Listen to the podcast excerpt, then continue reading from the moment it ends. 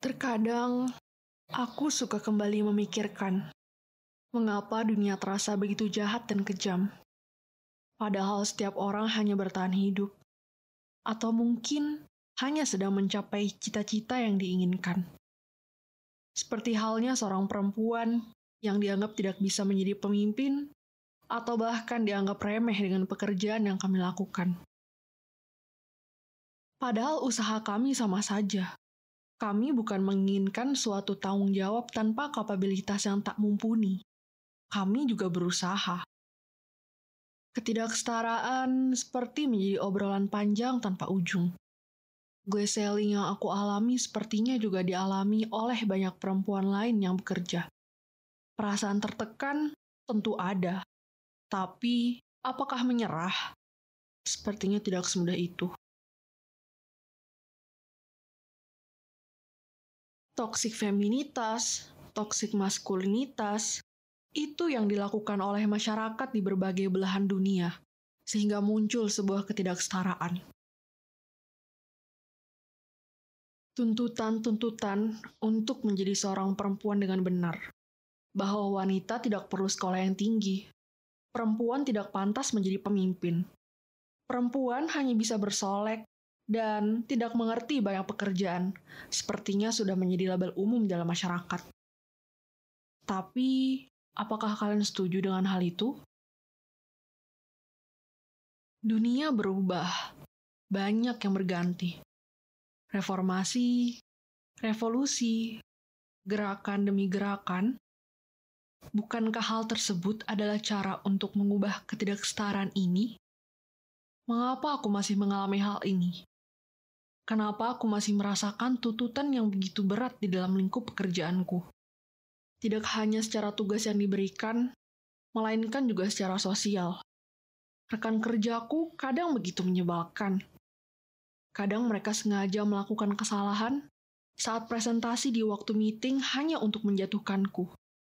Padahal bukankah jika kita berhasil, ia juga akan mendapatkan bonus yang dia harapkan? Aku bahkan sampai melakukan pertemuan khusus untuk menyampaikan perasaanku. Kalian tidak seharusnya melakukan hal itu. Kalau kalian tidak menyukaiku, tolong sampaikan apa yang harus aku lakukan agar aku bisa memperbaiki hal itu. Apakah kamu tidak sadar kalau kesalahan terbesarmu ya karena kamu menerima posisi sebagai pemimpin? Lalu, apakah kamu menginginkan posisi ini? Setelah aku mengatakan itu, dia dan seluruh timku terdiam. Apakah sebegitu bencinya mereka padaku? Dan posisi yang aku miliki, sehingga mereka melakukan hal yang buruk, yang bahkan merusak citra mereka sendiri. Hah, aku tidak habis pikir. Aku kemudian bertanya-tanya, apakah pria juga mengalami hal yang sama? Apakah mereka akan merasakan diskriminasi dan pandangan yang merendahkan sedemikian rupa karena pekerjaan mereka?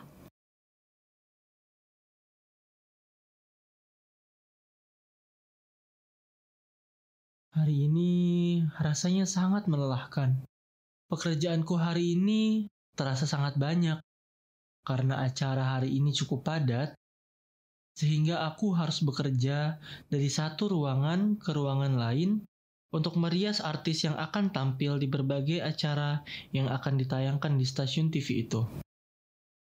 Terlebih lagi, tadi ada sebuah adegan yang memerlukan make up yang detail dan tidak bisa dibuat sembarangan, sehingga membutuhkan tenaga dan waktu yang lebih lama.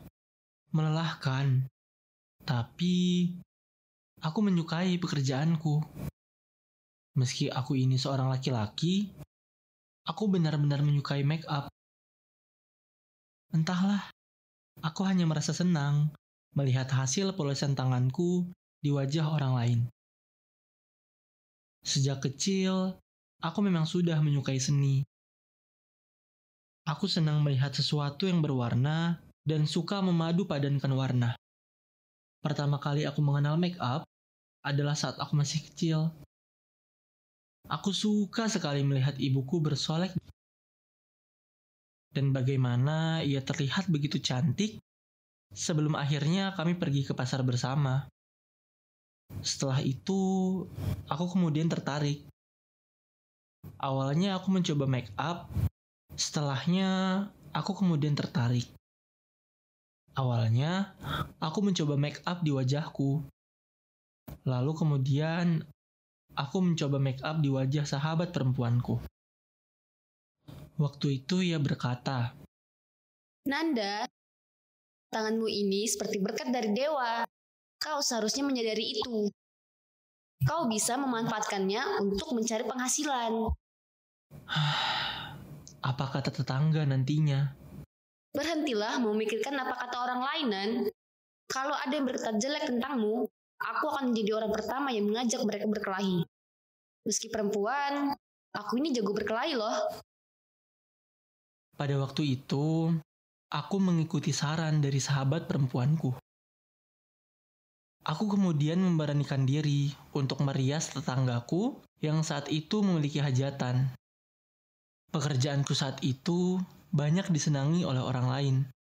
Dengan begitu, aku juga akhirnya bisa memberikan penghasilan untuk keluargaku.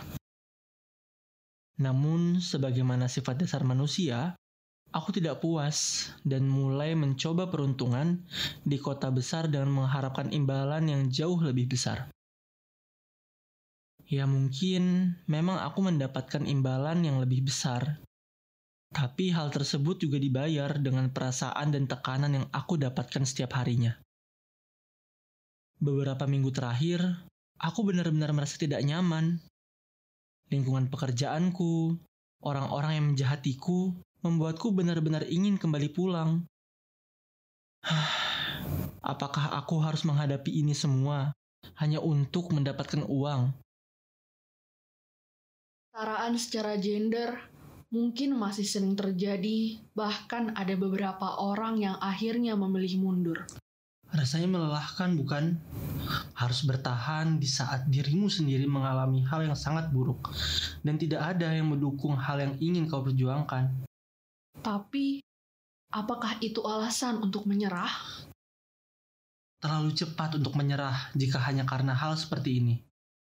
Karena dengan usaha yang kita punya, kita masih memiliki kesempatan untuk membuktikan bahwa gender bukanlah alasan untuk bergerak maju.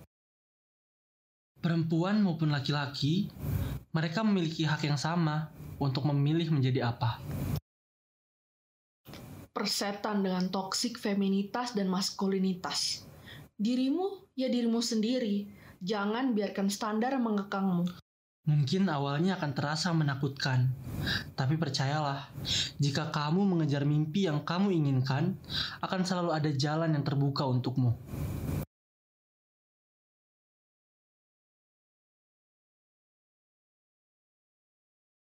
Kami, tidak, akan menyerah, Aku akan tetap menjadi pemimpin. dan aku akan tetap menjadi makeup artist karena, Karena itulah mimpi kami.